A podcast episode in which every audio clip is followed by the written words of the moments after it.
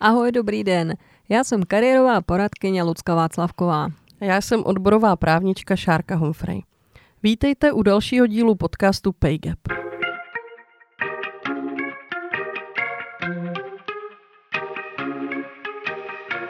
Dnes se budeme bavit o mateřství.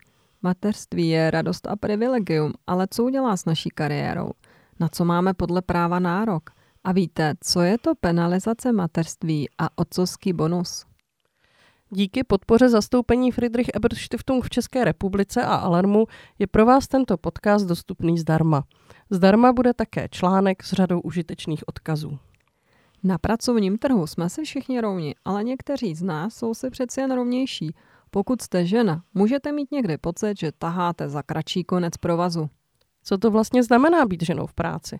A co můžeme dělat proto, aby se nám v pracovním životě lépe dařilo?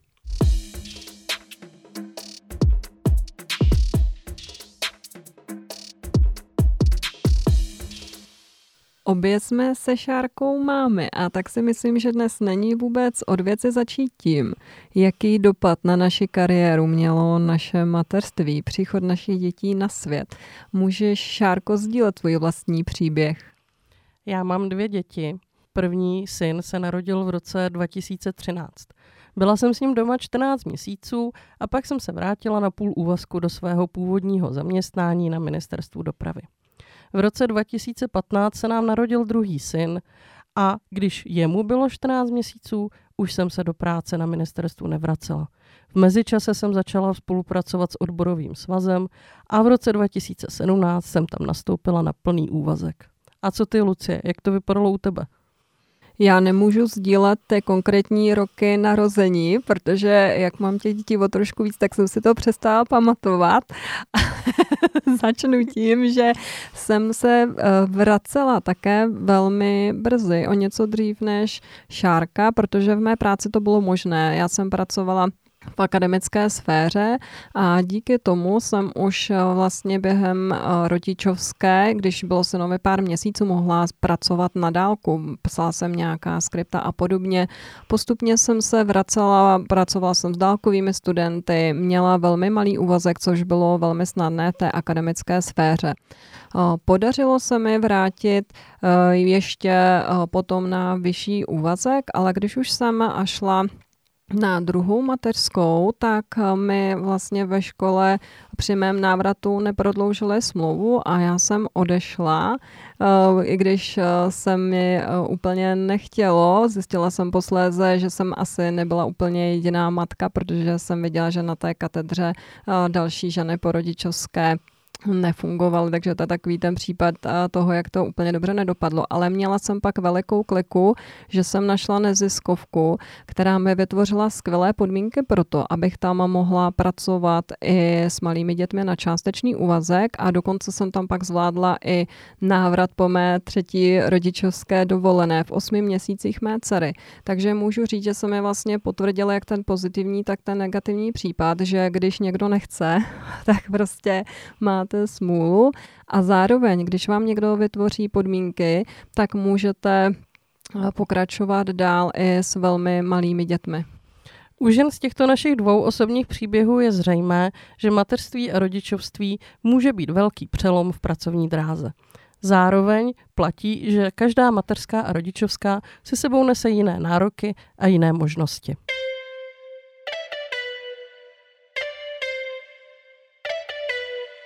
Já bych se zeptala Šárky na začátek, jaké jsou nějaká naše základní práva, protože si myslím, že eh, ne každý, kdo se do té situace dostává nebo koho to čeká, má vůbec představu o tom, na co má právo.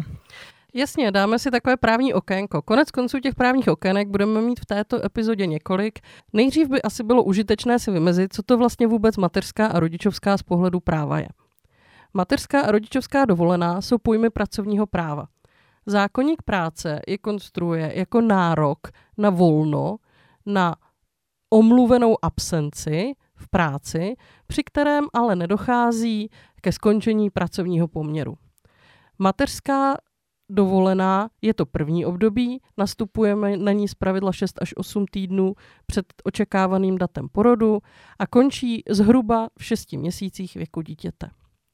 Po mateřské dovolené můžeme, ale nemusíme čerpat rodičovskou dovolenou. Jak mateřskou, tak rodičovskou dovolenou u nás typicky čerpají matky v 98% případů. Není ale vyloučené, aby za určitých okolností na ní nastoupili muži, to je v případě mateřské, nebo řekněme tedy otcové dítěte, anebo dokonce i oba rodiče najednou, což je případ rodičovské.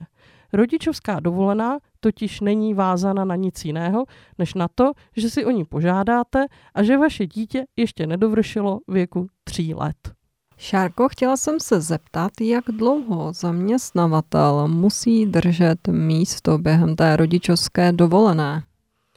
I to se nám částečně liší podle toho, zda jde o mateřskou či rodičovskou dovolenou. V první řadě platí, že držet místo vám musí vždycky. Jak už jsem říkala, váš pracovní poměr nekončí. To znamená, že ve chvíli, kdy skončíte s čerpáním jak mateřské nebo rodičovské, tak nastupuje okamžik, kdy vás zaměstnavatel do té práce zkrátka musí zařadit. Pokud byste se vracela už po mateřské, pak vás musí zařadit přesně na tu stejnou pozici, ze které jste na tu mateřskou odcházela. V případě, že se vracíte po rodičovské nebo v jejím průběhu, pak už vás musí zařadit na pozici podle pracovní smlouvy. Jaký je mezi tím rozdíl? Pokud mám v pracovní smlouvě sjednaný druh práce účetní, pak by mě teoreticky zaměstnavatel mohl zařadit jak na pozici mzdové účetní, tak finanční účetní. V případě, že se budu vracet po mateřské dovolené a dělala jsem předtím mzdovou účetní, musí mě zařadit na tu též pozici. V případě, že se budu vracet podle rodičovské, musí mi už přidělovat práci jen podle toho sjednaného druhu práce, tedy účetní. Dalším okamžikem, ve kterém se můžeme do práce vrátit, je až věk čtyř let věku dítěte. Je to proto, že až zhruba do tohoto věku můžeme v některých případech čerpat rodičovský příspěvek. K tomu, jaký je rozdíl mezi mateřskou a rodičovskou dovolenou a těmi příspěvky se ještě dostaneme. Nicméně je důležité vědět, že v tom čtvrtém roce už se nejedná o rodičovskou dovolenou. Jedná se o neplacené volno a s tím už zaměstnavatel musí souhlasit. To si musíme domluvit. Je dobré vědět, že judikatura nejvyššího soudu už mimo jiné stanovila, že pokud je důvodem pro pozdější návrat než ve třech letech skutečnost, že nám dítě nevzali do školky, například, že březnové dítě vezmou až od následujícího školního roku, pak je zaměstnavatel povinen tady tuto absenci respektovat. On vás zkrátka nemůže nutit do práce, když to dítě nemáte kam dát. Ne každá žena ale chce nebo může zůstat mimo pracovní trh tolik let. Ukazuje se, že eh, zvlášť dneska mladé ženy chtějí zůstat eh, profesně aktivní i během rodičovské dovolené. Podle mých zkušeností tady není nějaký univerzální přístup, univerzální žena a univerzální přání a potvrzují to i různé sociologické průzkumy, protože jsou tu ženy, které mají velký zájem na to vracet se velmi brzo, některé dokonce i po skončení té mateřské dovolené a zus, nepřerušovat tu svoji profesní dráhu. Některé si to přejí, protože mají takové ambice, ale je třeba tady i upozornit na to, že je mnoho žen, které si vůbec nemohou profesní pauzu dovolit, protože jsou například na dítě sami a nemůžou si dovolit takový výpadek příjmu. Je tady ovšem i celá řada žen, kterým vyhovuje pečovat o rodinu a je to pro ně vědomá volba a vyhovuje jim zůstávat s dětmi další domů doma. Není pak ale neobvyklé, že v podmínkách České republiky zůstávají ženy mimo trh práce i několik let. Nedávno jsem se například setkala s klientkou, která z různých rodinných i osobních důvodů byla mimo trh práce 12 let a potom samozřejmě ten návrat na trh práce nemusí být úplně lehký. Co je, Šárko, ale podle nějakých zkušeností a dat asi nejobvyklejší délka rodičovské dovolené v Česku? Nejčastěji se u nás uh, rodičovská dovolená, respektive čerpání rodičovského příspěvku, objevuje v těch standardních délkách eh, nejdelších, to znamená opravdu toho třetího nebo čtvrtého roku toho nejmladšího dítěte. Záleží hodně na tom, kolik dětí tam je, jestli se rodiče nějakým způsobem vystřídají, což zpravidla jaksi nefunguje, nebo jestli si matka během mateřské a rodičovské nějakým způsobem přivydělává. Je potřeba totiž říci, že na to nemáme přesné statistiky. Že ty statistiky, které zatím vedeme, jsou v podstatě jenom o tom, jak dlouho se čerpá rodičovský příspěvek. Rodičovský příspěvek a jeho čerpání totiž není tak úplně závislé na tom, jestli budeme full time doma, jestli budeme částečně pracovat, nebo jestli se budeme střídat s partnerem. Já jsem se setkala s průzkumem, myslím, že to byl biznis pro společnost, který pravidelně pořádá konferenci Matky a otcové vítání, podle kterého se k původnímu zaměstnavateli vrací uh, necelá polovina žen, což je skutečně uh, velmi nízké číslo. A podle toho, co vím, tak uh, se navzdory nějakým různým úspěchům, kterých se podařilo dosáhnout v té mírně větší flexibilitě nebo těch různých dalších prorodinných opatření, úplně ta změna nedaří. Je to pravda. Já se s tím setkávám ve své praxi také velmi často. Konec konců je to právě takhle extrémně dlouhá doba té materské a rodičovské, která ten návrat na trh práce zkomplikovává. A to nejenom ale té matce, ale i tomu zaměstnavateli. Ve chvíli, kdy on si sjedná nějaký zástup, který tam v době návratu na té zaměstnankyně z materské či rodičovské stále funguje, jsou tam s tím spokojení, je pak nižší vůle k tomu tam přijmout zase zpátky tu matku, kterou jsme x let neviděli a tady toho nového kolegu či kolegyni propustit. Setkávám se bohužel s tím, že to zaměstnavatele řeší nevždy zákonným způsobem. Třeba tím, že fiktivně zruší to místo, ze kterého ta žena na mateřskou či rodičovskou odcházela, nebo v lepším případě udělá nějakou vnitřní reorganizaci tak, aby bylo možné, aby vedle sebe pracovali oba dva tito lidé. Bohužel často tedy ta skutečnost, že si ženy nemají po té mateřské kam vrátit nebo že se nevrací, není dána ani tak tím, že by do té práce nechtěli nebo že by k tomu zaměstnavateli nechtěli, ale že on už je tam prostě zpátky nevezme, případně jenom za podmínek, které není možné s malým dítětem absolvovat. To potvrzuje i moje zkušenost, když jsem pracovala s různými klientkami, které se vracely um, zejména po té další době, tak uh, pro ně byl problém často, že se neměli kam vrátit. Nicméně to nebyl také jediný důvod. Nebylo úplně neobvyklé, že vykonávali práci, která nebyla slučitelná s rodinou, nebo to nebylo za podmínek, které by pro ty mm, ženy byly vyhovující, tak aby byly spokojené v roli, v roli mámy, v roli rodiče. Například Například ta práce obnášela časté přes časy, nebyla vůbec flexibilní, vyžadovala práci mimo domov nebo byla stresující. Velmi také často tam ale nastávalo i to, že ne všechny dosáhly na tu péči o děti, protože třeba nesehnali místo ve školce, nebo jejich děti byly velmi často nemocné a kvůli tomu se jim nepodařilo do té práce vrátit. Setkávala jsem se pak ale i s jinými důvody, Například s tím, že se jim eh, během rodičovské dovolené, tím, jak měl, měli mm, časy třeba zamyslet nad tím, jak fungovaly v životě předtím, změnily hodnoty, změnily preference. Tím nechci říct, že by přestali mít zájem o seberealizaci, ale spíš, že jim třeba ta práce, kterou dělali dříve, nedávala smysl, že tam eh, nebyly spokojené, neměli tam uspokojivé vztahy, měli pocit, že tam ani nevyužívají svůj vlastní potenciál signál a chtěla to změnit. Situací, kdy si po mateřské a rodičovské musíme hledat úplně jiné místo, eh, se budeme zabývat v některé z dalších epizod konkrétněji, protože se jedná opravdu o velmi častý jev. Nicméně už teď je zřejmé, proč je vlastně mateřství tak zásadní zlom v tom kariérním životě. Ekonom Filip Pertold označuje mateřství nebo rodinu pro ženu za kariérní stopku. Lucie, shodovala by se tady s tímto hodnocením? Možná bych mohla trošku ještě rozvést tuhle myšlenku Filipa Pertolda. On vlastně pro Alarm řekl, že tím Diskriminujícím faktorem v případě žen a matek není a ani tak to jejich pohlaví, jako je to spíš ta rodina, že potom se mění zásadněji ta e, jejich, e, jejich e, situace a proto on říká, že ta rodina je tou kariérní stopkou.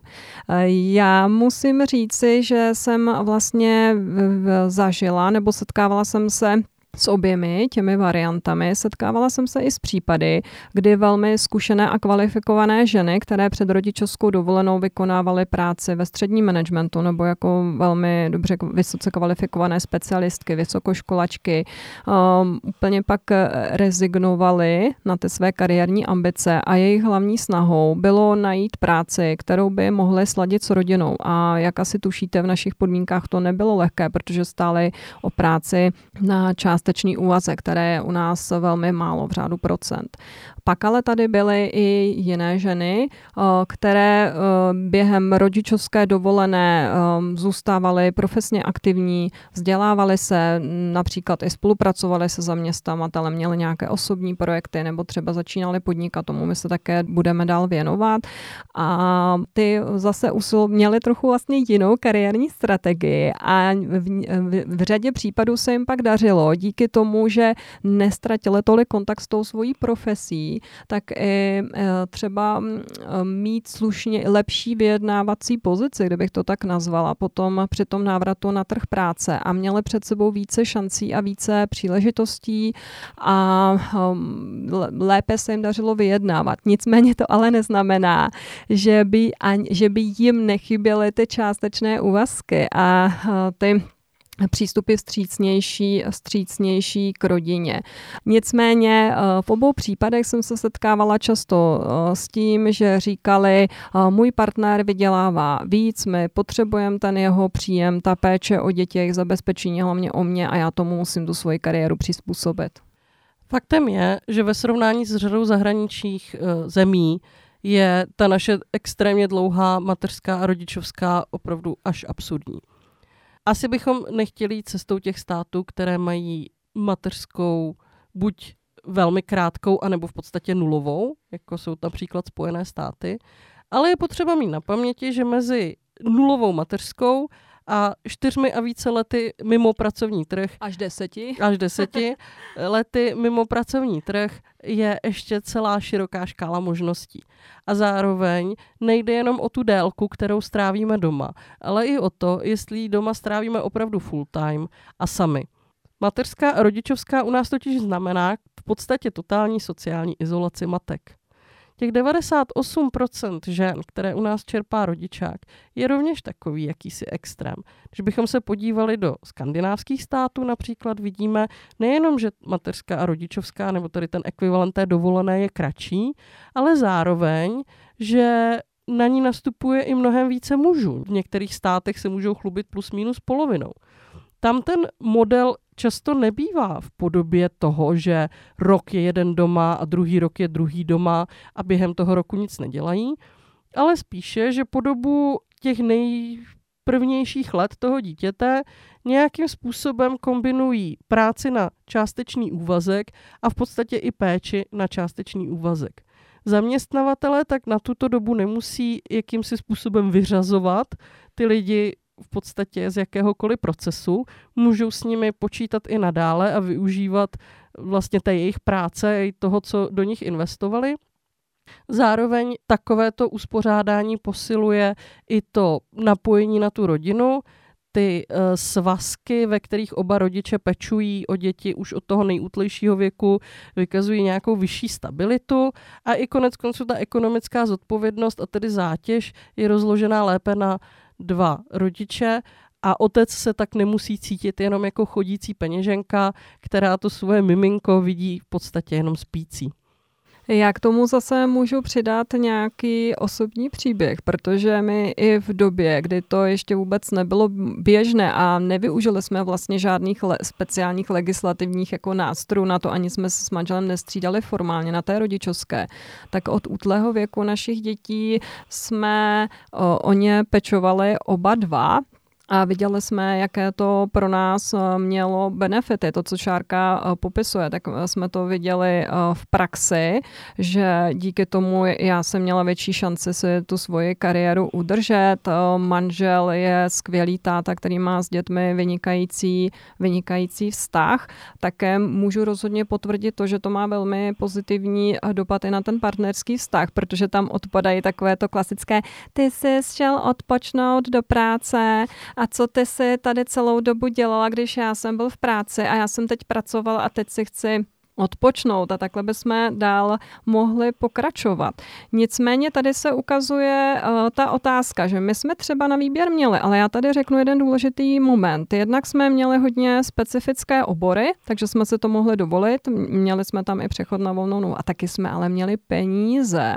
A to říkám úplně upřímně, protože jak se ukazuje, tak v Česku, i, i když už tady nějaké legislativní změny proběhly, tak i nadále eh, ženy uh, mluví se o tom eh, stále, že ty rodiny, ne, nejenom ženy, ale rodiny nemají možnost volby. Co to, Šárko, znamená a jak, jak se to vlastně projevuje? Možnost volby máme do značné míry na papíře. A to proto, že zejména pro děti mladší než tří let nejsou finančně a regionálně školky dostatečně dostupné. Máme už tady relativně širokou síť dětských skupin, které ty mladší děti přijímají. Ty se ale primárně koncentrují ve větších městech, eh, nebo tam, kde se to zaměstnavatelům vyplatí se nějakou takovou v uvozovkách firemní školku zřídit a nejsou tedy dostupné pro každého. A tam, kde je dětská skupina bez podpory zaměstnavatele. Bývá to školkovné často tak vysoké, že si ho skutečně celá řada rodin nemůže dovolit. I vzhledem k tomu, že kdyby nastoupila žena na ten uh, zkrácený úvazek, tak ten její příjem by de facto pokrýval třeba jenom tady tu dětskou skupinu již zmíněný Filip Pertold eh, identifikuje ještě celou řadu eh, daňové legislativy nebo institutů daňové legislativy, které jakýmsi způsobem prodražují návrat toho druhého rodiče na trh práce. Takže i když my tady máme volbu toho, jak dlouho si budeme čerpat rodičovský příspěvek, jak dlouho budeme čerpat rodičovskou dovolenou a kdo z těch rodičů na ní nastoupí, tak ta volba je zejména ekonomicky podmíněná a není tedy dostupná pro každého. Tady do toho právě vstupuje i třeba to, že těm rodinám se skutečně nevyplatí, aby, ten, aby například oba pracovali, že, že někdy ty náklady na tu péči, vlastně, které by tady musely nastat, když by třeba dítě šlo do soukromé školky, tak by tady převýšili ten plat, který by žena získala, kdyby se do té práce vrátila. Nicméně i mně tady přijde zajímavá optika dívat se na, tyto výdaje ne jako na náklad pro tu rodinu, ale spíš jako na investice do budoucího uplatnění těch žen a zase, že to do budoucna té rodině celkově může vlastně přinést vyšší příjmy. To je samozřejmě pravda. Ale i na takovou investici ty peníze musíme nejdříve mít. My jsme teď mluvili o tom, co ta dlouhá rodičovská znamená hlavně tedy pro ty rodiny. Ona je, a už jsme to letmo zmínili a bylo by asi fajn se u toho zastavit trošku podrobněji, ona není jakoby úplně výhodná ani pro ty zaměstnavatele. Z jí zmíněných výzkumů biznesu pro společnost vyplývá, že celá řada zaměstnavatelů vnímá odchod ženy na dlouhou mateřskou rodičovskou jako určitou ztrátu té investice, kterou do té ženy jakýmsi způsobem uh, už vynaložila. A například zaměstnavatele Združení v chartě diverzity nebo účastnící se různých eh, soutěží a ocenění firm podporujících diverzitu nebo přátelských k rodině, zavádí určitá opatření, které můžeme říkat management mateřské a rodičovské a ty mají za cíl jednak nestratit úplně kontakt té ženy vlastně s tím pracovištěm, když odchází, do určité míry podpořit i odchod otců, na rodičovskou dovolenou, nebo alespoň částečně vyšší podílení se na péči, než je to mm, celospolečenské minimum.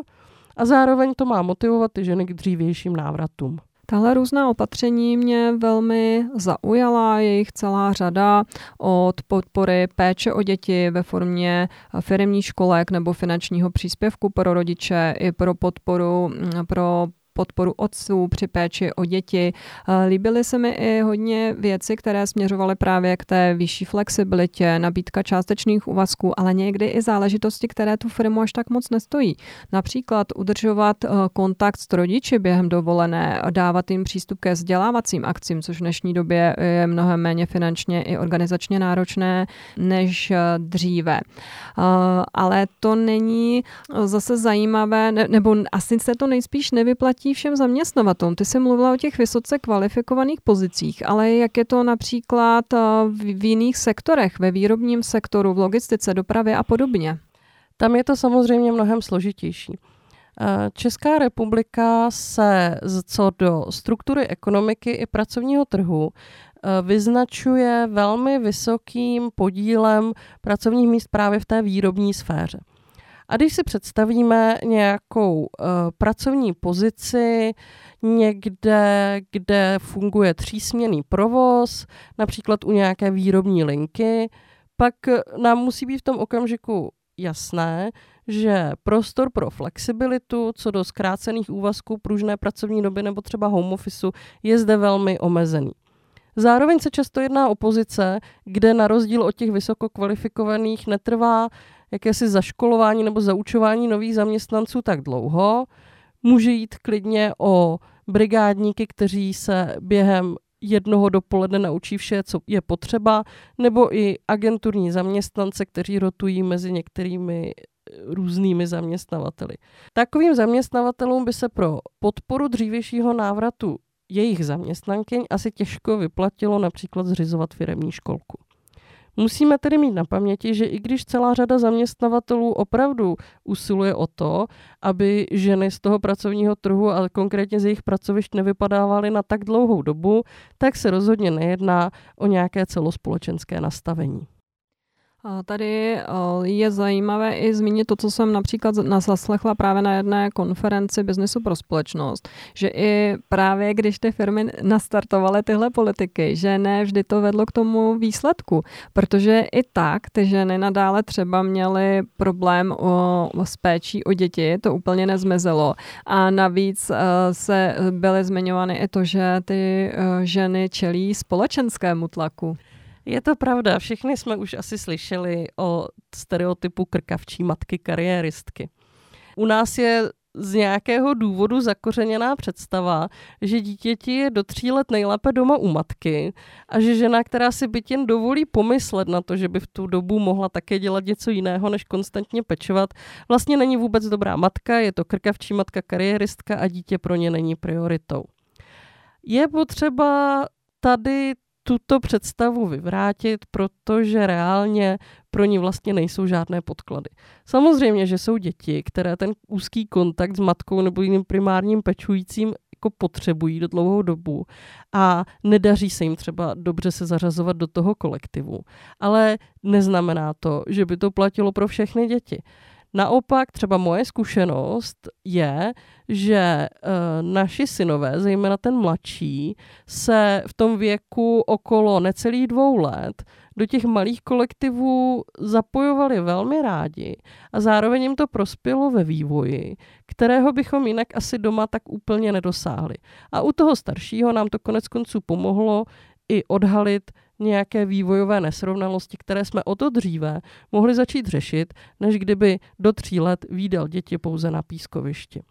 Nejde jenom o moji zkušenost, konec konců i Některé výzkumy nám ukazují, že v době, kdy u nás byla prodloužena možnost čerpání rodičovského příspěvku právě až do 4 let věku dítěte, čehož řada uh, matek využila, nejčastěji proto, že uh, nedostali dříve místo ve školce, že nějakým způsobem stížila potom vlastně úspěchy těch dětí při zapojování do vzdělávání a konec konců i později na samotný pracovní trh. Já do toho stoupím také s mojí zkušeností. Viděla jsem, že u každého z mých dětí to bylo úplně, úplně jiné. A to co, to, co vlastně tady, mm, myslím se, že není úplně fajn, je, že my tady máme takovou extrémní situaci, že dítě je velmi dlouho s mámou na full time a pak ale je ve školce na full time, protože právě tady nemáme možnost těch postupných přechodů, které jsou podle mých informací v zahraničí velmi běžné.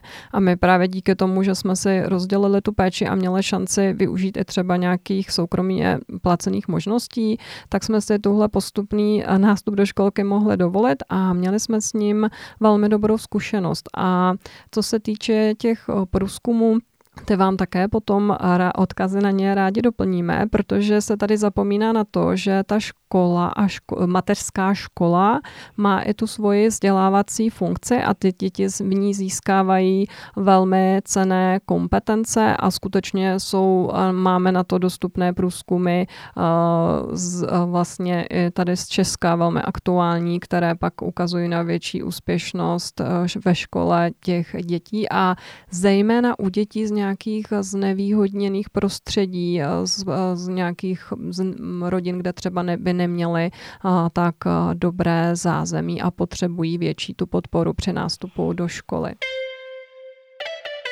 Jak už jsme tady naznačili, tak je v zájmu rodičů, žen i zaměstnavatelů udržovat tu spolupráci i během rodičovské dovolené. Jaké tady v této oblasti máme právní nástroje, Šárko? Tak eh, v první řadě je dobré si asi říci, že ty právní nástroje se poněkud liší podle toho, jestli bychom se stejným nebo jiným zaměstnavatelem částečně eh, spolupracovali během mateřské, konkrétně tedy během období pobírání peněžité pomoci v mateřství, anebo během rodičovské. Peněžitá pomoc v mateřství je dávkou nemocenského pojištění. To nemocenské pojištění jsme odváděli z činnosti, kterou jsme vykonávali před tím, než jsme na tu mateřskou nastoupili. Po dobu, kdy peněžitou pomoc mateřství pobíráme, si sice můžeme přivydělat, nemůžeme tak ale udělat v té stejné činnosti. To znamená, že pokud bychom už tady v tomto, řekněme, prvním půlroce věku dítěte měli nějakou možnost při výdělku u stálého zaměstnavatele, musíme dělat něco jiného, než to, co jsme dělali před porodem. Pokud bychom vykonávali stejnou činnost, pak bychom nemohli peněžitou pomoc v mateřství pobírat. V rámci rodičovské dovolené a tedy pobírání rodičovského příspěvku je situace jiná. Rodičovský příspěvek už není navázan na pojištění a můžeme během něj se na klidně na částečný úvazek vrátit na totéž místo, ze kterého jsme odcházeli. Tady ale pozor. Záleží totiž hodně na tom, jakým způsobem jsme o čerpání rodičovské dovolené u zaměstnavatele žádali. My už víme, že na ní máme nárok do tří let věku dítěte. Pokud si požádám při nástupu na rodičovskou dovolenou například o to, že ji budu čerpat do dvou let věku dítěte a pak z nějakého důvodu zjistím, že se do práce vrátit nemůžu a že bych potřeba být doma ještě ten jeden rok, pak dám novou žádost a zaměstnavatel jí musí vyhovět. Když to ale udělám naopak, požádám si o rodičovskou dovolenou do tří let věku dítěte a ve dvou letech bych se rozhodla, že se vrátím zpátky, pak nám zaměstnavatel již vyhovět nemusí. Je tedy dobré si tyhle ty varianty uh, prověřit a promyslet ještě předtím, než vůbec na rodičovskou nastupujeme a pokud vůbec uvažujeme o tom, že bychom se na stejnou pozici třeba na částečný úvazek vraceli dříve, tak si raději požádat dvakrát. Práce na té stejné pozici ale není jedinou možnou formou spolupráce s tím zaměstnavatelem. Můžeme se s ním dohodnout, že například budeme nějaký čtvrt úvazek dělat po určitou dobu během čerpání rodičovské dovolené z té naší hlavní práce něco jiného. Může tak být na pracovní smlouvu, můžeme tak udělat na některou z dohod, tedy od na dohodu o provedení práce nebo dohodu o pracovní činnosti. Mezi těmito formami jsou ale poměrně podstatné rozdíly a je tedy dobré si skonzultovat eh, nebo prověřit, jaká možnost spolupráce se nám nabízí, co to například znamená pro tu existenci té naší původní pracovní smlouvy, jestli budeme mít třeba nárok na dovolenou, jestli budeme mít garantovaný nějaký přísun práce v určitém objemu, pokud budeme odměňováni hodinovou sazbou a podobně. Důležité je ještě říci, že čerpání rodičovského příspěvku není vázáno primárně na to, jestli si budeme vydělávat nebo nikoli. Stále je tady ale omezující podmínka u dětí mladších dvou let, které mohou být při pobírání rodičovského příspěvku být v jeslích, ve školce nebo v obdobném zařízení pouze maximálně 92 hodin měsíčně. Pokud bychom potřebovali zajistit delší dobu péče o dítě, musíme tak učinit v domácnosti nějakou jinou osobou. Může jít například eh, na částečnou rodičovskou dovolenou otec, může nám vypomoci babička nebo si můžeme najmout chůvu. Nad eh, ten věk toho, těch dvou let už toto omezení není. Pak tedy záleží na tom, jak se se zaměstnavatelem dohodneme, co pro něj budeme dělat a na jak dlouhou dobu. Já bych tomu zase nabídla ten kariérní pohled. Co my můžeme během té rodičovské dovolené dělat, když chceme zůstat v kontaktu s naší profesí? Už jsme tady zmínili právě spolupráci s naším stávajícím zaměstnavatelem, Kromě toho tady máme možnost se dál vzdělávat jak v tom našem oboru, tak i v dalších oblastech, které nás zajímají. Svůj význam má i rozvoj a provozování našich nejrůznějších zájmových aktivit, protože i přitom se učíme nové věci. Dobrovolnictví, některé ženy spouští i nejrůznější osobní projekty nebo zkouší podnikat, ale i i um, například propojování s lidmi, budování sítě kontaktů má svůj uh, význam a také mluvit a ukazovat, co děláme. Spojit pracovní a pečovací aktivitu není úplně jednoduché. Nemusíme v tom ale být sami. Kdo nám s tím může pomoct? Na prvním místě by nám mohl pomoci náš partner, ale už cítím, jak se vám ježí chlupy, protože řeknete, no ta šance tady buď není, nebo žádného partnera nemám. Pak máme ale šanci buď požádat další členy rodiny, nebo si vzájemně vypomáhat s přáteli. Někteří z nás také mají třeba prostředky na placenou výpomoc, jak v oblasti péči o děti a rodinu. Potom v té odborné oblasti určitě do doporučuji zapojit se do odborných komunit, které naštěstí v dnešní době fungují online. Můžu dát například třeba Čekita, Su HR, Holky z marketingu, nebo i třeba odborné komunity lidí na volné noze. Rozhodně musím také zmínit neziskové organizace, které u nás odvádějí výbornou práci, například v oblasti poradenské nebo i vzdělávací. Jednou z nich je i Aperio.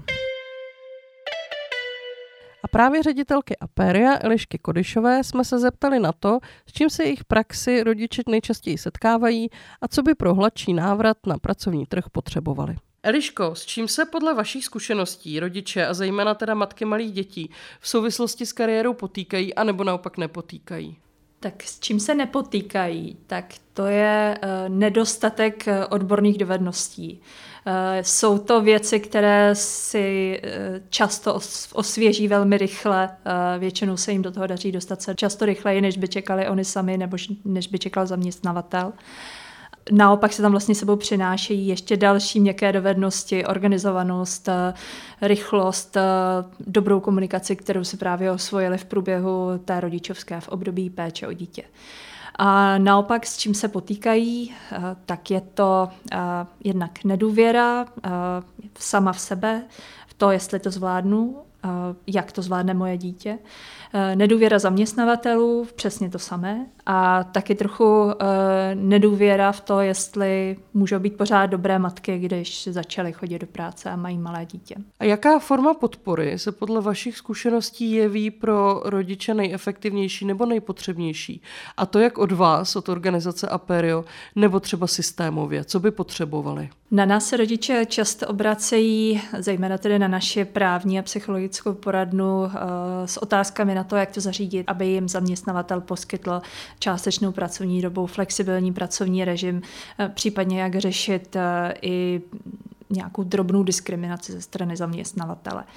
A e, to je opora, kterou velmi oceňují, kterou dostávají nejenom v poradně, ale i v průvodci zákony, e, který si můžou jednak stáhnout nebo ho najdou e, ve formě jednotlivých článků na našich webových stránkách. Navíc ještě, zejména pro solo rodiče, případně eh, na zakázku nebo na klíč pro zaměstnavatele, kteří si to od nás objednají. Eh, nabízíme eh, kurzy nebo workshopy o tom, jak si zvýšit sebevědomí, jak vlastně zúročit to, co se naučili na rodičovské nebo třeba v období solo rodičovství o zvládání vší té zátěže, kterou museli prožít. O tom, jak se dokázali zorganizovat čas a jak to třeba uh, prodat novému zaměstnavateli a nebo i jak vlastně sebevědomě vystupovat před ostatními a sladit si, dokázat se vlastně vykomunikovat dobré podmínky pro sladění práce a rodiny. No a systémově eh, bych řekla, že potřebují velkou eh, podporu nebo respektive velký počet míst pro děti eh, do tří let nebo kolem tří let, protože mezi druhým třetím rokem věku dítěte se nejvíc žen chce vrátit zpátky do zaměstnání a právě v tomhle období zjišťují, že prostě nenajdou dětskou skupinu, nenajdou školku, která by jejich dítě přijala. Takže ten návrat do zaměstnání zase odkládají. A je to velká škoda jak pro ně, tak pro celou společnost. Řešení by samozřejmě bylo, kdyby se tátové dokázali zapojit do péče o dítě také víc, než to dělají doteď. Například já bych si moc přála, aby byla schválená dvouměsíční rodičovská dovolená pro otce, tak aby mohli čerpat nebo aby byli motivováni čerpat už v prvních letech života dítěte, tak aby třeba žena mohla se vrátit do práce třeba na poloviční úvazek už čtyři měsíce předtím, než jí vezmou dítě do školky nebo do dětské skupiny a její muž by byl přitom v práci na poloviční úvazek a ten tu druhou část toho úvazku by čerpal rodičovskou dovolenou.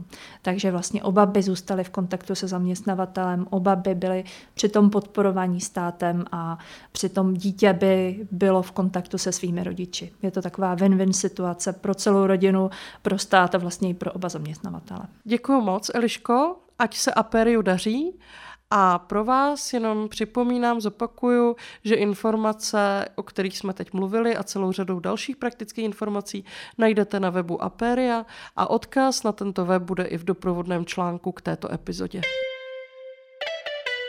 Když už se nám podařil ten návrat do práce k našemu zaměstnavateli, anebo jsme si našli práci novou, na co v takových situacích máme nárok? Zákonník práce rozeznává rodiče malých dětí a zároveň i pečující o některé jiné osoby jako zaměstnance se zvláštními podmínkami.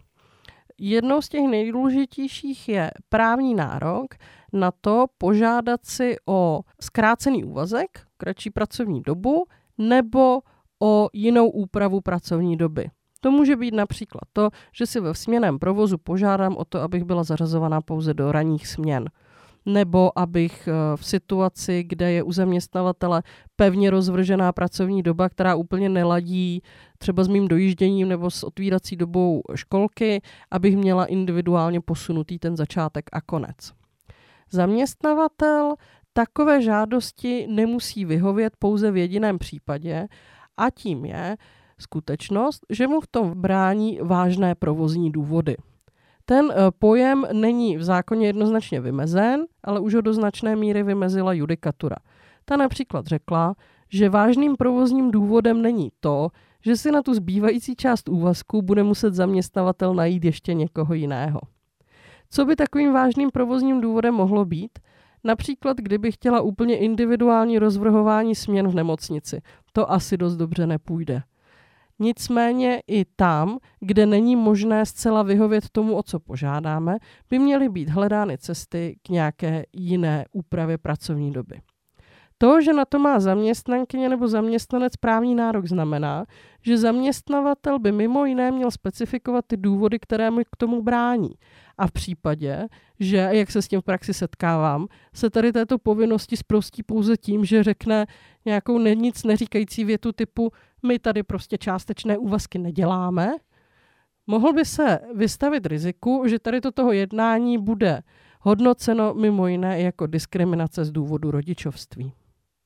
My už se tady chýlíme k závěru, tak ještě jedna podstatná věc naše životní a pracovní spokojenost a work-life balance co nesouvisí jen eh, s mateřstvím, ale právě s malými dětmi to řešíme asi nejintenzivněji. Dnes jsme řešili hlavně návrat do práce, ale je tu třeba také ta uh, druhá stránka um, domácí. Někdy mluvíme o druhé směně a rozdělení péče a domácích povinností je velké téma. Uh, proto se rozhodně chystáme právě rozdělení té péče o děti a rodinu věnovat v některé z dalších epizod. A pojďme nyní už na schrnutí toho, o čem jsme se dneska povídali. Mateřství je nejvýznamnější prekarizační faktor, často znamená kariérní stopku. Ne všechny ženy chtějí nebo můžou zůstat dlouhé roky doma. Řadě zaměstnavatelů se vyplatí do spolupráce během mateřské a rodičovské a dřívějšího návratu investovat. Některým se to ale nevyplatí, proto je potřeba usilovat i o celospolečenské řešení.